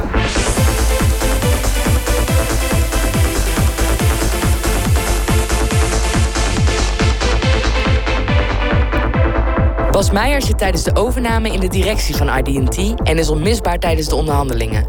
Volgens hem komt de flirt met SFX niet uit de lucht vallen. ID&T loopt na jaren groeien tegen zijn eigen grens aan. Uiteindelijk wilden we met Sensation graag naar, naar Amerika. Toen zijn we een partnership aangegaan in eerste instantie met Live Nation. Voor de twee shows in New York. Duncan heeft daar toen ook uh, gewoond. Uh, AEG, de andere grote entertainmentspeler in de markt, uh, roerde zich. Die wilde daarna ook de, de grotere Amerikaanse tour met ons gaan doen. En langzamerhand ja, kwam er steeds meer beweging en interesse. en wij waren zelf intern ook wel met elkaar aan het nadenken. Oké, deze markt wordt volwassen. Er komen steeds meer partijen uh, met steeds meer geld. En het wordt allemaal steeds duurder. Hoe lang gaan wij dit nog met eigen middelen financieren? Hoe, hoeveel, risico, uh, hoeveel risico durf je zelf te nemen? En ik heb een keer ooit in een brief... in mijn uh, sabbatical jaar uit Australië ooit eens opgeschreven. Ja, als we ooit echt verder zouden willen groeien... en we willen echt de wereld veroveren... dat, dat, dat kun je niet zelf financieren. Dan moeten we naar het model eens kijken van Live Nation... hoe ze dat gedaan hebben, en naar Mojo. Uh, en dat model was kennelijk een heel beproefd model. Het wordt zelfs op Harvard gegeven als een roll-up. Ja, je koopt tien apotheken en je maakt er een keten van. Uh, en dit deden ze dus met Live Nation. Madonna wil wereldwijd. Madonna zat op dat moment nog bij 38 verschillende promotors in de wereld. Waarom maken we daar nou niet één bedrijf van? Dan zeggen we tegen Madonna, je krijgt dit en dan regelen we alles voor je. Inclusief je plaat en, ja, dat werd dat beroemde 360-model. Dus wij zagen dat ook. En onze muziek ging ook toen wereldwijd. En wij niet eens betaalbarrières. En alle DJ's, nou, vooral de Nederlandse DJ's wereldwijd. Uh, onze feesten gingen wereldwijd. Dus eigenlijk op dat punt waren we helemaal gelijk. Dachten we, nou, dit is een kopie. dit moet werken. Dus wij geloofden daar ook echt in. Duncan heeft mij in 2008, toen hij in Australië zat, eh, een aantal uh, maanden of bijna een jaar met Liska, heeft hij mij een mail gestuurd waarin hij aangaf van ja, als we nou ooit nog eens een keer echt door willen groeien en we gaan op zoek naar uh, financiering of naar hulp, dan vind ik dit wel een inspirerend verhaal. En, en bij zijn mail zat een uh, Wikipedia-file van het SFX-verhaal van Bob Sillerman, hoe hij de pop-rockwereld uh, eigenlijk heeft overgenomen. 52 overnames destijds in allerlei landen. En Duncan heeft toen in die mail uiteengezet hoe wij dat eventueel zouden kunnen doen in onze markt welke partijen dan interessant zouden kunnen zijn en hoe hij dat zag. In een uh, kort maar krachtig mailtje, zoals Duncan dat goed kan. En pas vier jaar later klopte Bob Silleman aan de deur. Daarmee zeg ik ook eigenlijk dat, dat, uh, dat Duncan en Bob elkaar ergens natuurlijk vonden. Dus ik denk dat daar wel een, uh, een klik ontstond. En dat dat wel heeft gemaakt dat we uiteindelijk van die verschillende partijen die er waren, dat gesprek hebben voortgezet. Bob Sillerman, dat is de figuur waar het om draait. Een vleesgeworden icoon in de entertainmentindustrie. Een man met een reputatie. Dat merkt ook Wouter Tavecchio van Q-Dance, een van de partners van ID&T. Nou, Duncan kwam in contact met die mensen, die wonen in New York. En uh, die was in contact gekomen met een man die het idee had... om de internationale dance scene op te rollen. Nou, dat klinkt al heel wat. Dan word je dus opgerold. En dan ben je onderdeel van een oprol uh, strategie. Nou, dat, dat, stond mij natuurlijk... Alleen het idee al dacht ik van, hoezo? Niemand rolt ons op, wij rollen op. En uh, ik weet nog dat Duncan terugkwam met het bericht. Uh, ja, we kunnen 40 miljoen krijgen. En, met een heel vet idee van een man die, die wilde de hele industrie oprollen. En Duncan had zelf ook al dat idee wel eens een keertje gehad. En ja, ik dacht, no fucking way dat wij naar de Amerikaanse beurs gaan. Maar no fucking way. In Amerika is het gewoon heel normaal dat er, dat er uh, kapitaal gevonden wordt. Zo, of nou, je investeert... Nou, een paar mensen uh, hebben geluk gehad in Uber hebben geïnvesteerd. Of in Wheat... Het maakt niet uit. Of in WeTransfer. Of nu in, in Amerika is die cultuur heel normaal. Dat je investeert in, in een bedrijf. En dan gaat het groeien. En dan investeer je meer. En dit was ook typisch zo'n bedrijf. En meneer Schilleman had dat idee. En dat had hij al eerder gedaan met Live Nation en met Mojo. Het is een hele intelligente man. Heel snel op een wat ander uh, niveau denkend dan de meeste mensen. En niet zozeer uh, hoger of lager, maar alsof hij soms in een soort andere frequentie zit. Hij heeft bewezen, en met name natuurlijk vroeger bij de roll-up van de hele pop-rock-wereld, wat nu dan Live Nation is geworden, dat hij een enorme voelspriet heeft voor grotere bewegingen in, in, in, in entertainment. Sillerman neemt zelf contact op met ID&T, met aan zijn zijde Shelly Finkel. Een oude boxpromotor die op een bepaald moment de manager was van onder andere Mike Tyson. Kortom, iemand die zich niet zomaar van tafel laat vegen. Die woonde ook in Upper East. Die we woonden in, in, alle drie woonden wij in Upper East. Hoe, hoe, gek is dat? Hoe toevallig, weet je wel. Ik woonde kennelijk drie blokken verder dan Sillerman. En Shelly, Shelly woonde weer een paar... Ze konden gewoon op loopafstand naar elkaar toe. Wij hadden ons bedrijf laten waarderen. Nou, daar kwam een waardering uit uh, van rond de 30, 35 miljoen. Dat vonden wij echt te weinig. Nou, we waren een beetje teleurgesteld. Nou, het rapport, mee, we moesten toch wel iets overhandigen op een gegeven moment. En hij had een afspraak met mij gemaakt, uh, vlak bij mijn huis dus. En ik had een afspraak gemaakt met die man die uh, de rapport had gemaakt. En die was veel te laat, half uur te laat. En, dat was een van mijn belangrijkste afspraak van het jaar zou eraan komen. Meneer Schillerman ontmoeten met mijn boekje. En, en ik weet niet, ter plekke bedacht ik, weet je wat? Ik ga gewoon zonder het boekje en zonder jou. Dus ik ben gewoon alleen gegaan. Ja, dat, dat, was wel raar. Want ik, ik, ik, de Amerikanen helemaal ook zo zijn van die oude, uh, die Joodse gasten met allemaal grappen in hun taal, snel lullen. Dan moest ik wel echt aanpoten. Dus ik vond het best wel eng, moet ik eerlijk zeggen. Ik kan wel dapper nu, maar dat vond ik, echt, ik was wel zenuwachtig. En... Maar ik was toch wel onder de indruk natuurlijk. Uh, je bent toch wel onder de indruk dan half vaak van iemands reputatie. En uh, hoe zo'n man het spel een beetje speelt. En zijn dikke huis en zo. Dus ja, maar ik ging wel die meeting aan met een goed gevoel dacht wel van, dit is vet. En, uh, dit, ja, dit, hier, voelt al wat. Het is wel een, ja, ik, maar toen kwamen we er steeds meer achter dat SFX, dat was al half opgetuigd. En hij deed alsof hij, wat hij deed de hele tijd, alsof hij het al... Uh, ik ben miljardair en het maakt mij allemaal niet zoveel uit. En, we kopen jullie wel even. Maar ja, wat bleek, zonder ons was het niet. Ook Bas Meijer is onder de indruk van de uitstraling van Bob Sillerman. Ja, dat was in een, uh, in een grote vergaderzaal met heel veel glas in een toren in Manhattan. Waar we een uh, eerste bijeenkomst hadden met een aantal mensen uit zijn uh, finance en legal team. En wij waren daar met een aantal mensen. En toen kwam Bob Silleman als laatste aan tafel zitten. En er liep een jonge dame langs uit zijn team. Langs de glaswand aan de andere kant van de zaal. En hij stak zijn middelvinger op naar haar. En toen begonnen zijn medewerkers heel hard te lachen. Wij keken wat verbaasd. En dat bleek het gebruikelijke teken te zijn van Silleman... om je ochtends te begroeten als je het kantoor binnenkwam. De middelvinger omhoog. Ja, dat was een soort van uh, gimmick van hem. Uh, het was heel apart. Ja, ik kan me wel voorstellen dat, dat, dat er mensen zijn... Die, uh, die zich soms wat minder prettig voelen bij zijn manier van doen. En dat was waarschijnlijk ook de reden dat ik het genegeerd heb. Wouter de Vecchio heeft van begin tot eind een slecht gevoel bij de overname. En dat is een probleem. Want Tavecchio is, na Duncan Stutterheim, de grootste aandeelhouder van ID&T. Zijn bedrijf Q-Dance speelde op een meestelijke manier in... op de instorting van ID&T's Gabber-imperium. Eind jaren 90 raakte Gabber besmet door parodieën en hooliganisme... en dus stortte ID&T zich op nieuwe muziekstromingen zoals trance. Maar er waren nog steeds heel veel mensen die graag hard wilden gaan. Q-Dance greep terug naar de tijd dat hardcore nog leuk was... gaf het een nieuwe naam, hardstyle, en maakte een belangrijke keuze. Praat nooit met de pers. Zo kon het dat een paar jaar later complete stadions gevuld werden met feesten waar je nooit iets over las in de krant. Ik had al, nou ik denk al een jaar hele lopen roepen vanuit Nederland. En ik was dus ook helemaal niet, niet geweest daar. En Duncan ging steeds op en neer. Ja, mijn partner wil niet verkopen. Achteraf gezien was het wel goed voor het onderhandelingsproces. Uh, maar dan kwam toch die dag dat, uh, dat ik daar naartoe ging. Ik uh, ging daar naar de zoveelste verdieping aan zo'n gebouw in New York.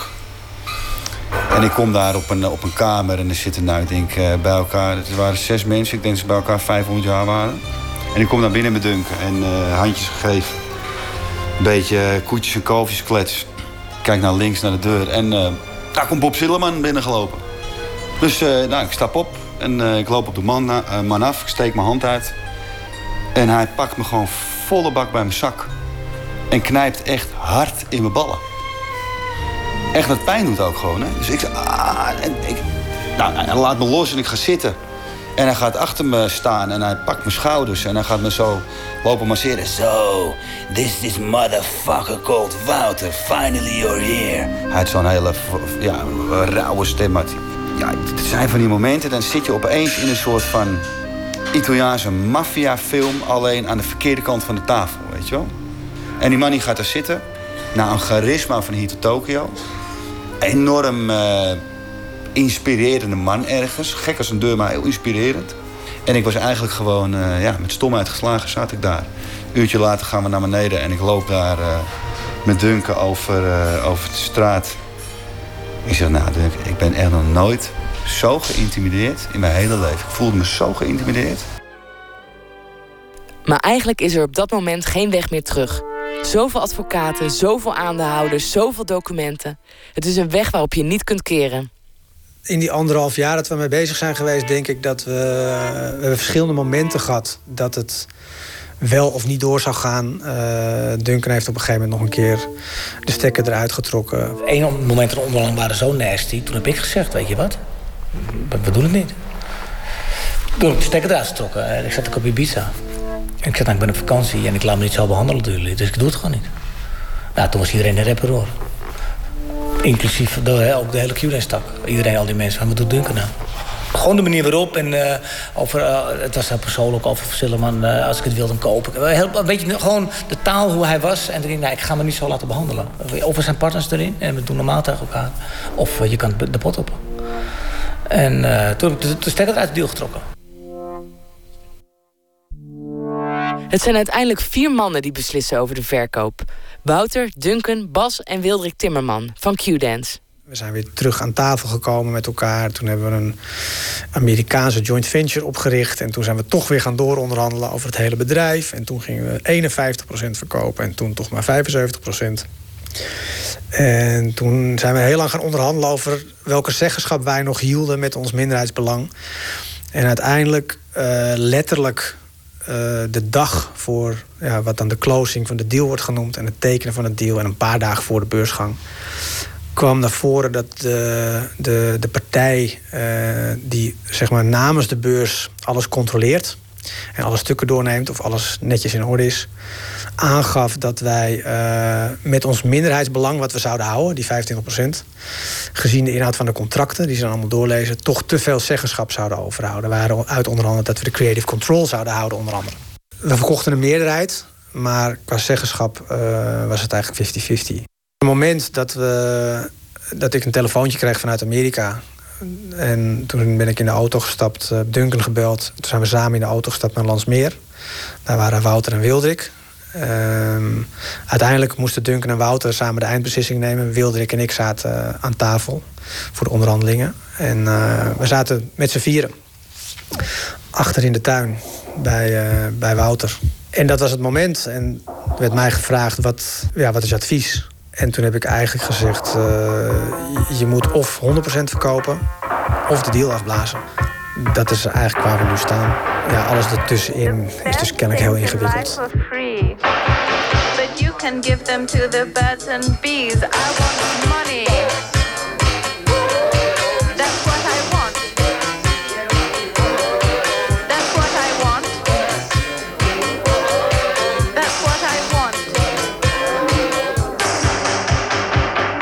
De grote vraag is, hoeveel geld moet er op tafel komen?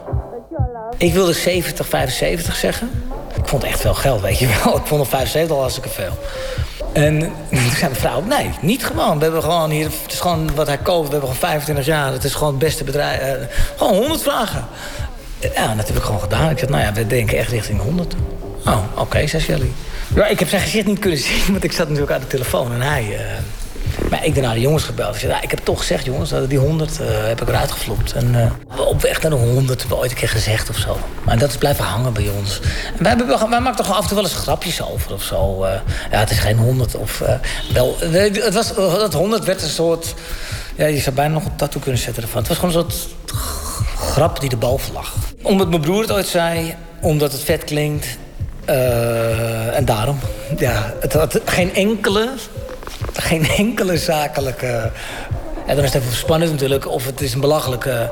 Maar ja, daarna merkten we al veel snel, oké, uh, nou laten we verder gaan onderhandelen.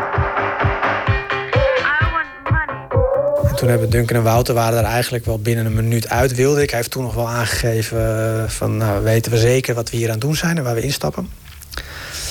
En, en die paar minuten met elkaar, met z'n vier in die, in die kamer bij Wouter achter, dat was voor mij wel het moment. Om het ja, dan realiseer je dat op, op dat soort momenten kan in zo'n deal kan het ook nog een nee worden. En het werd een ja. En de dancefeestorganisatie IDT is overgenomen door het Amerikaanse bedrijf SFX Entertainment. Met de overname is 100 miljoen euro gemoeid. Een half jaar geleden richtten de twee bedrijven al een joint venture op en dat is dus goed bevallen.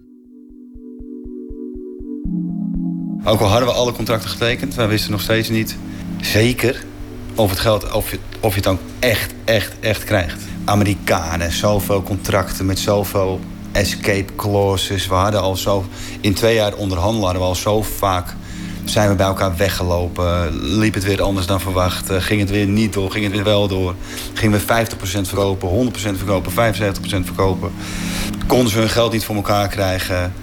Uh, toch weer wel, toch weer niet. Kwamen op kantoor. Nou, het staat allemaal op losse schroef voor jongens. Toch contracten tekenen. Toen zeiden van ja, maar ze zijn nu wel getekend. Maar ze moeten nog maar dit en dat rondkrijgen. De beursdatum moet nog. La la la. En op een gegeven moment zou het dan gestort worden. Nou, het werd niet gestort. Nog een keer, over twee weken komt het dan weer niet. Volgende week komt het dan. En opeens stond het op de rekening. Ik heb het heel sumier klein gevierd. Want wij hadden, dat bedoel ik al, we hadden het al twee of drie keer gevierd. En mijn Ierse moeder zegt altijd... never count your chickens before you hatch them. Dus we hadden het niet echt gevierd, vier, maar wel, we hadden wel champagne al een keer gedronken. We hadden wel al een keer een avondje met elkaar. We gaan, ja, na zo'n handtekeningssessie in Amerika met z'n ook. Ik ben uh, in het vliegtuig gestapt met mijn uh, vrouw naar Florence gegaan. En uh, ben heerlijk drie dagen door Florence gaan lopen. Lekker uit eten. En op een gegeven moment krijg je dan een appje dat er heel veel geld op je rekening is gestort. En dat is wel leuk, maar dat verandert eigenlijk niets. Er was een handshake moment waarop we dachten... oké, nu is hij rond. Toen ben ik samen met Dunk een auto gaan kopen die ik al heel lang wilde hebben. Maar toen was het geld nog lang niet binnen. Wij zeggen een half jaar voor het geld gestort werd. Dus een soort van opvlieging. Maar toen het geld dus daadwerkelijk gestort werd... en ik al die nullen op mijn bankrekening zag... te eventjes kijken daarnaar. Maar het is best even een teleurstelling gewoon. Het is best even een leeg gevoel. Ik wil helemaal niks kopen of zo.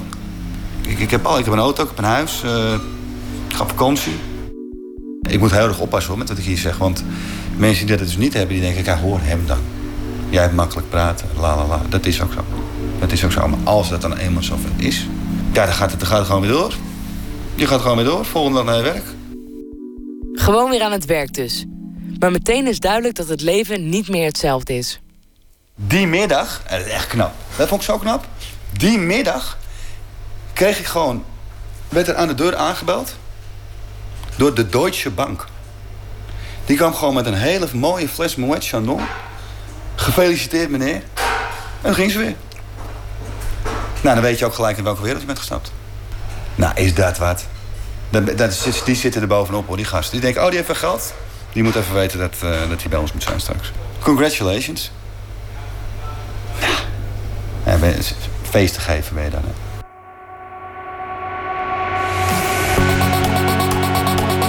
Voor ons was dat hele IDM een groot moment wel. Het, het, het was niet meer helemaal onze muziek.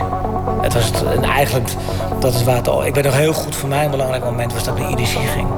En al die DJ's werden opgehaald met helikopters en allemaal dik en dikke vies. En Wouter en ik en nog een paar stonden daar. We moesten eigenlijk 3,5 uur uh, met de taxi in het file. En ik denk, ja, dat we hebben ergens iets verkeerd gedaan bij. Uh. En, toen kreeg, toen, en toen kreeg ik iets van, ja, what the fuck, hè? Al die DJ's die, die, die, die, hebben het waanzinnig. Op die EDM-bubbel, zo gezegd. En, ik vond die muziek steeds, steeds minder leuk, die EDM.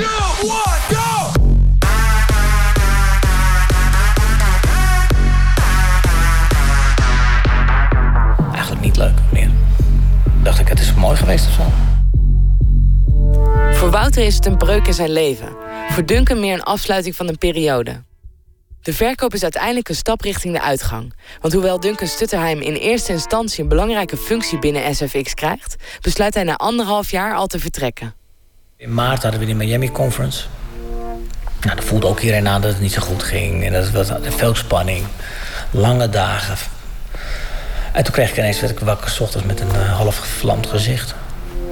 En uh, ik, ik zo. Ik zei, wat is dit nou weer? Ik naar de dokter. Nou, bleek, bleek de ziekte van Bel te zijn. Dat is een virus. Op zich is het een normale ziekte. Maar iemand op kantoor bij ons heeft het gehad. Dus je kan er ook blijven schade. Uh, die jongen heeft er wel iets last van. Stress is de voornaamste factor. En uh, ja, ik had gewoon heel veel stress. Ik zei op een gegeven moment tegen Dunk op AD1 een paar jaar geleden... Dunk zit erop voor mij. Ik ga niet door een hoepel springen voor die gasten.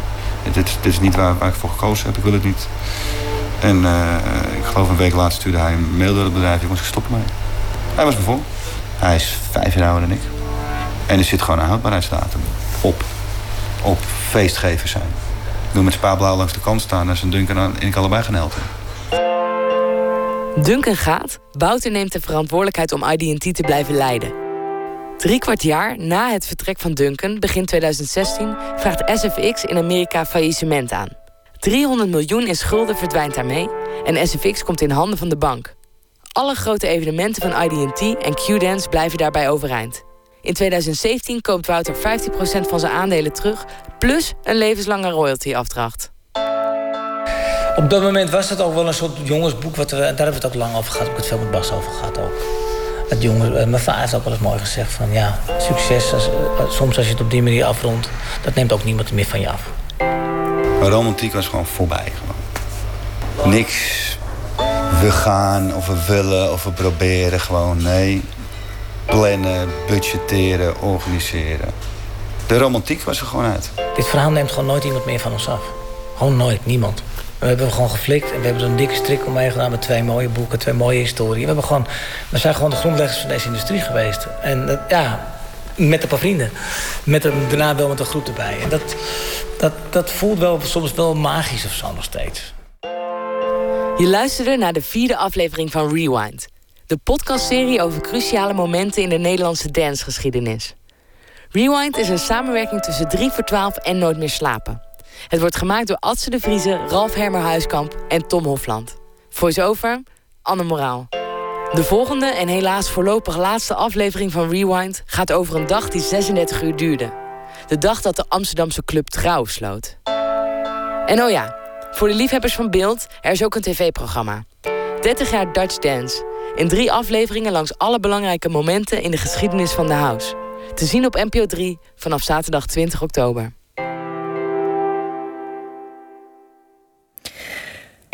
Dat is het einde van deze prachtige, nou ja, avond, nacht. En ik uh, wens u een fijne nacht verder toe. Ik vertel nog even iets over maandag. Dan zijn we hier terug bij Nooit meer slapen. En dan praat Pieter van der Wielen met natuurfotograaf Frans Lanting. En die maakt reportages over heel de wereld. In Madagaskar bijvoorbeeld, waar hij de wilde natuur en de inheemse rituelen fotografeerde die nog nooit waren vastgelegd. Lanting hoopt dat fotografie eraan kan bijdragen dat we zuiniger zullen zijn op onze aarde. Dat onder meer maandag. Straks kunt u luisteren naar de Nacht van de Radio van BNN Vara. Ik wens u een goede nacht toe. Tot nooit meer slapen.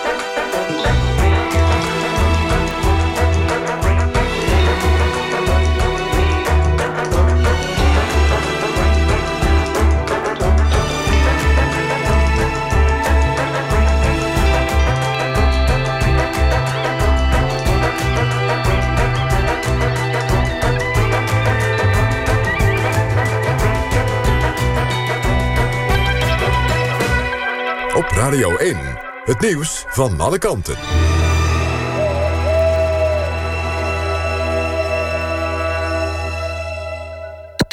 NPO Radio 1.